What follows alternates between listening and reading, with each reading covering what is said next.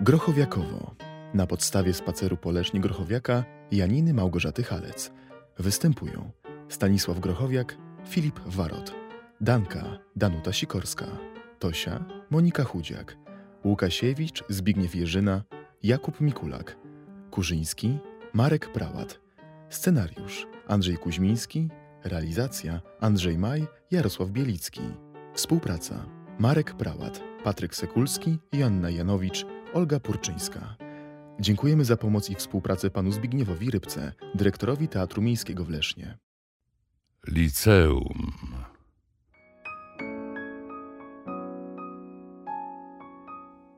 I znowu jeden przeminął z tych chłopców, co się minęli.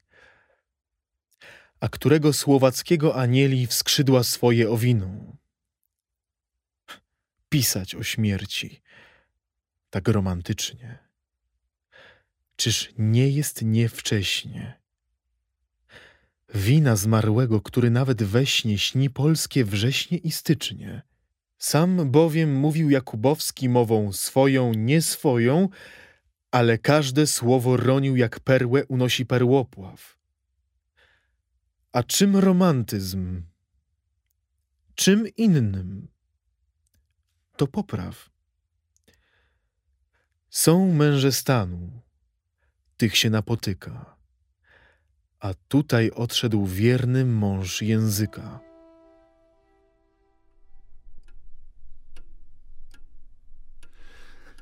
Stanisław Grochowiak wstąpił we wrześniu 1947 roku do Państwowego Liceum Ogólnokształcącego w Lesznie, szkoły o czterowiekowej tradycji, znanej z tego, że jej rodowód sięga jednoty braci czeskich z XVI wieku i działalności pedagogicznej światowej sławy Amosa Komenskiego.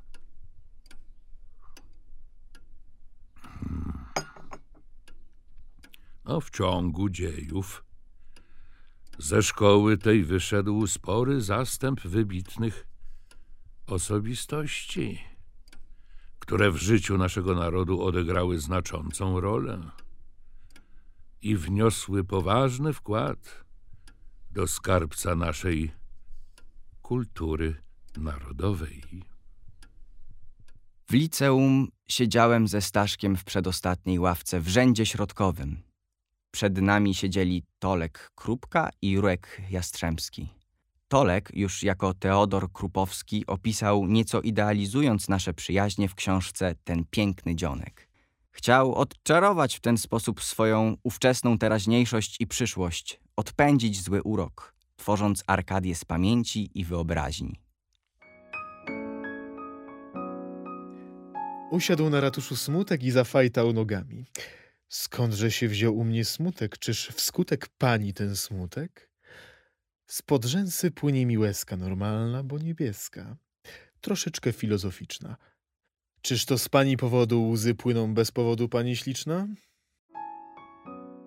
W latach 1949-1951 w gimnazjum, a właściwie w klasach od 9 do 11, jedenastolatki, pomimo wielkich starań pana magistra Kurzyńskiego, obarczonego podobnie jak i my trudem przyswajania sobie nowego spojrzenia na literaturę, kulturę i język, nowego stylu oceny dzieł literackich, nie tylko moje zainteresowania językiem polskim zmalały dzięki na przykład plewom, traktorom zdobywającym wiosnę. W legendarnej już hańbie domowej Jacek Trznadel pytał Łukasiewicza o lata stalinizmu.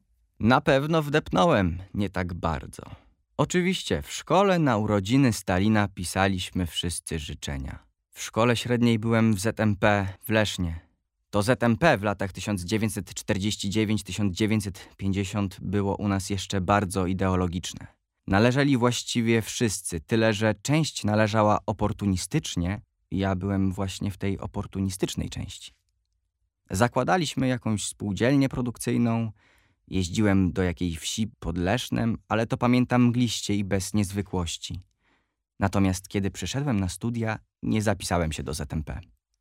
Od szóstej klasy chodziłem razem ze Staszkiem Grochowiakiem, ta sama klasa, ławka. Dorastaliśmy właśnie w tym najgorszym okresie.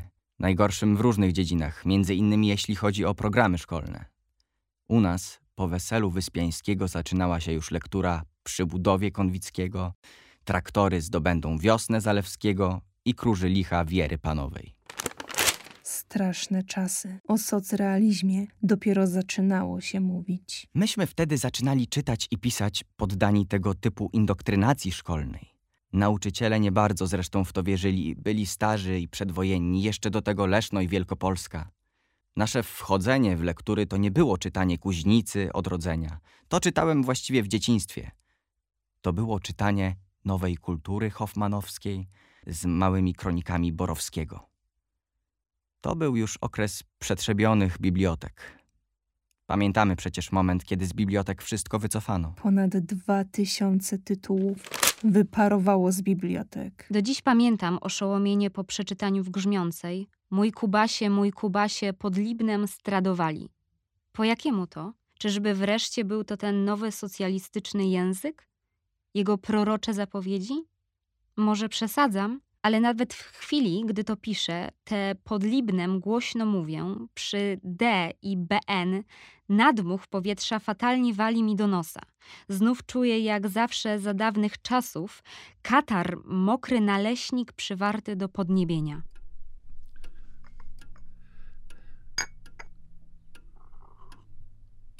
Tak się w mojej karierze pedagogicznej złożyło, że klasa, do której uczęszczał Stanisław Grochowiak, była klasą wyjątkową. Starczy wymienić Jacka Łukasiewicza, najbliższego i serdecznego przyjaciela Stanisława Grochowiaka, towarzysza wspólnych przygód szkolnych, a dzisiaj znanego profesora wykładającego na Wydziale Polonistyki Uniwersytetu Wrocławskiego, poety i krytyka uprawiającego publicystykę literacką o zacięciu filozoficznym. Wspomnę również Jerzego Jastrzębskiego, wybitnego profesora nadzwyczajnego fizyki, atomistyka o poważnym dorobku naukowym. Teodora Krupkowskiego, również naukowca wykładającego nauki z zakresu fizyki. Z tej grupy uczniów wyróżniających się nie mogę pominąć Stanisława Kuźniaka, doktora ornitologii, wspaniałego znawcę i opiekuna zarazem wszelkiego ptactwa zasiedziałego w regionie leszczyńskim. Na języku polskim wydukiwało się, co inni podpowiedzieli z trzymanej na kolanach książki. Nie trzymało się to pamięci. Przedziwna logika, czy w ogóle logika? Raczej gramatyka obcego języka, niewyrosłego z pnia naszej kultury. Ilekroć próbowało się pomyśleć, korzystać z własnego sądu, gustu było nie tak. Przewrotność nie była moją mocną stroną. Nie posiadłam sztuki podawania za swoje obcych myśli i sądów sprzecznych z poczuciem harmonii, ładu i porządku. Grochowiak był chyba najlepszym łacinnikiem w naszej klasie. Tłumaczył Horacego, którego wiersze przerabialiśmy wtedy. Technika stanowiła grunt sprawdzalny, na którym można było przyjąć współzawodnictwo.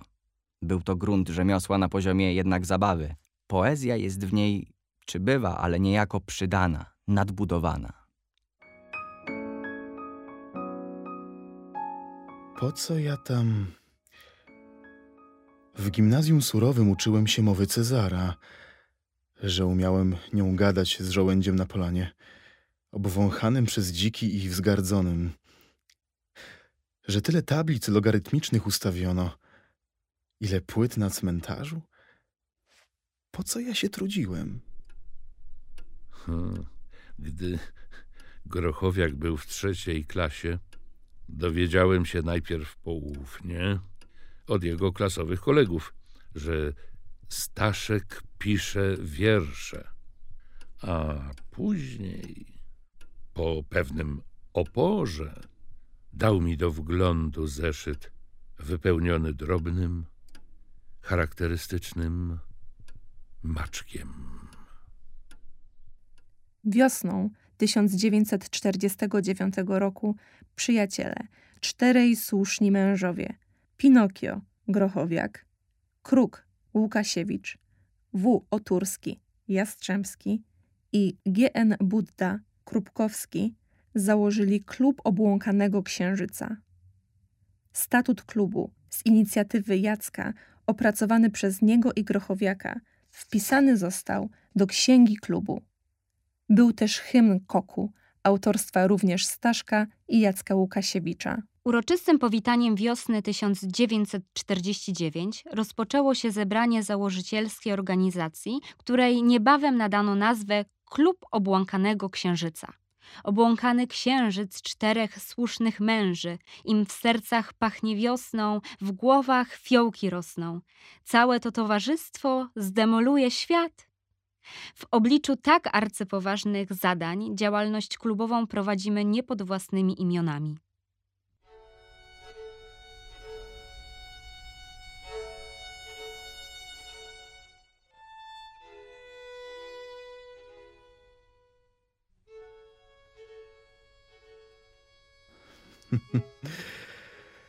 Wy znacie Leszno. Wypruty ratusz, cztery wieżyce dziobiące niebo, trochę tęsknoty, jakieś kłopoty. Labirynt ulic jak głupi rebus. Wy znacie Leszno. Ty znaczy Jerzyk, znaczy Jacek, Tolek i Stasiu Kuźniak, Lesio, Przechera, Krysieńka, Tera i inni moi przyjaciele różni. Oleszniem spowiadał się moim kochankom. Leszno miłosne, jasne, zaklęte, grzeszne i święte, przez usta nie poznał. Leszno wstydliwie szare, leszno miłosne, z sercami w dzwonach, dziwne, zaklęte, grzeszne i święte. Radośni bracia, ile wam zawdzięczam. Świergot jaskółek zakochanych w Staszku poznałem w ten czas, gdy niby w... on mi coś gadał o każdym ptaszku. Radośni bracia, ile wam zawdzięczam. Świergot jaskółek zakochanych w Staszku. Sprawy merytoryczne należałyby do Staszka i Jacka. Jerzyk nie ma zamiaru wtrącać się.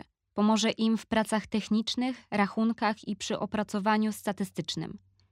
Jest jeszcze inny problem. Wyniki powinny zostać opublikowane. Ogłosić je można na łamach niezależnego pisma Latarnia. Kto wie, może w formie numeru specjalnego? Niezależne pismo Latarnia, redagowane, wydawane i kolportowane zawsze w nakładzie jednego egzemplarza, bezręcznie przed całą szkołą pod pseudonimem Kruk. Latarnia była jednym z nielicznych czasopism posiadających własny hymn. Czy słyszał kto o hymnie Trybuny Ludu? A jednak Staszek, donator hymnu latarni, przeliczył się w rachubach. Ofiarując wspaniały dar, zamierzonego celu nie osiągnął. Nie dostał się jako samodzielny autor na łamy pisma. Zezwolono mu w kilku numerach pełnić jedynie rolę redaktora technicznego, a także wykonać piękną nową winietę tytułową, nawiązującą do problematyki kokowskiej. Czy mógłby spodziewać się więcej? Skoro w hymnie głosi taki oto latarniano-krukowy panegiryk. Już znów zabłysła, wciąż niezawisła. Wszystko ogarnia blaskiem latarnia, gdzie signum kruka, sensu nie szukaj, bo tam sensu, sensu, sensu nie ma nic. Nie była to, jak każdy widzi, zbyt zręczna polityka Pinokia, Grochowiaka – a współredaktorzyć bardzo chciał. Natomiast o źródłach twórczej inspiracji niezależnego pisma niech świadczą dwie próbki. Dedykacja. Ja numer ten poświęcam Tobie, księżycu.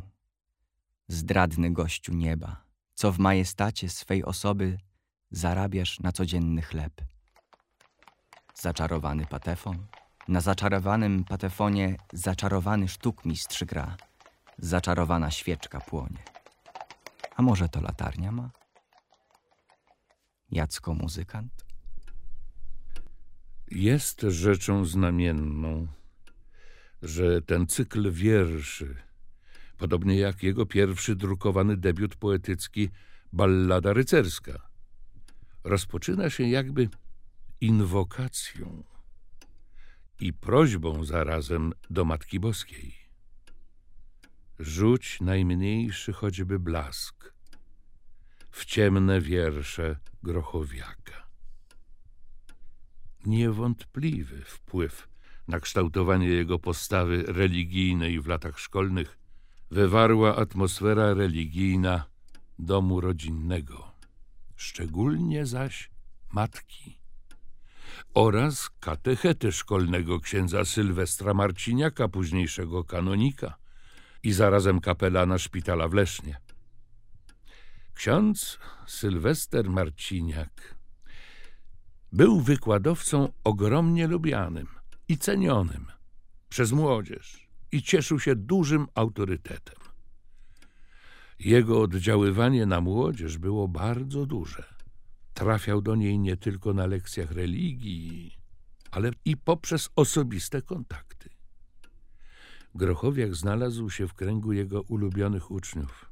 Nie dziwi więc fakt, że gdy Grochowiak po opuszczeniu murów szkolnych szukał właściwego miejsca dla zaspokojenia swoich aspiracji społecznych, zakotwiczył się od razu w katolickim stowarzyszeniu Pax. Ten jego stosunek do spraw światopoglądowych znalazł swój jednoznaczny wyraz w wierszach szkolnych. Szczególnym kultem darzył Matkę Boską. Jej też poświęcił swój pierwszy wiersz, Awe, otwierający wspomniany cykl.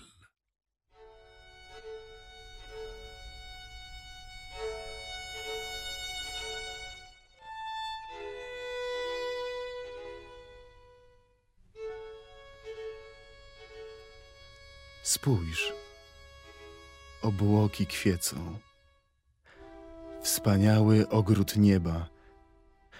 Czyjąż sycone paletą, Mario? Otrzyj łzę kobiecą, nie płacz, nie trzeba. Twój syn był wielkim poetą. Mario, słyszysz? Liść upadł, więdnie trawa.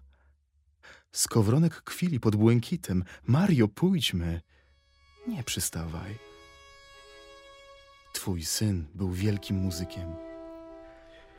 Wiosna, Mario. Umarł wiosną. Kwiaty się zbiegły na cmentarze. Kamienny grób szarotki mu porosnął. Mario, nie płacz. Twój syn był wielkim malarzem. Usiądź pod wierzbą. Przytul twarz do drzewa, posłuchaj. Pszczoły elegie mu brzęczą. Skłoń ucho ku ziemi, życie śpiewa, Mario. Twój syn nie był mordercą. Mario, przytulam wargi do twej dłoni. Nie trzeba cię pocieszać, wiesz sama. Ach, przestań, Mario. Nie chciałbym mówić o nim. Lecz gdybym nie mówił, w ten czas bym kłamał. Wiosna, Mario, umarł wiosną. Kwiaty się złocą dywanem. Ach, kiedyż twe łzy, Mario, na ściegi bólu poschną? Mario, ja płaczę. Awe.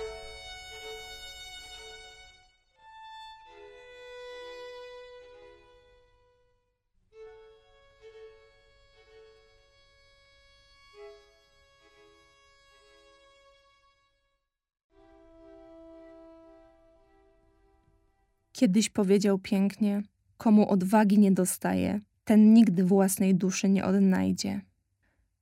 Czytał w młodości dobre książki ojców Kościoła, świętego Augustyna, świętego Tomasza z Akwinu, świętą Teresę z Avila i świętego Jana od Krzyża. Mimo nieporządku życiowego miał ogromną dyscyplinę wewnętrzną. Był czujny zawsze i skupiony. Te cechy zachował do końca. Był wielkopolaninem i nieobce mu były rzeczy praktyczne. Po prostu umiał organizować swoją sławę. Był poza tym obdarzony dużą siłą witalną. Hamilton powiedział mi kiedyś: Grochowiak idzie do przodu jak czołg. Koniec odcinka piątego. Działania implementowane są dzięki dofinansowaniu Narodowego Centrum Kultury w ramach programu Kultura w sieci. Na realizację projektu pod nazwą Teatr Biblioteki.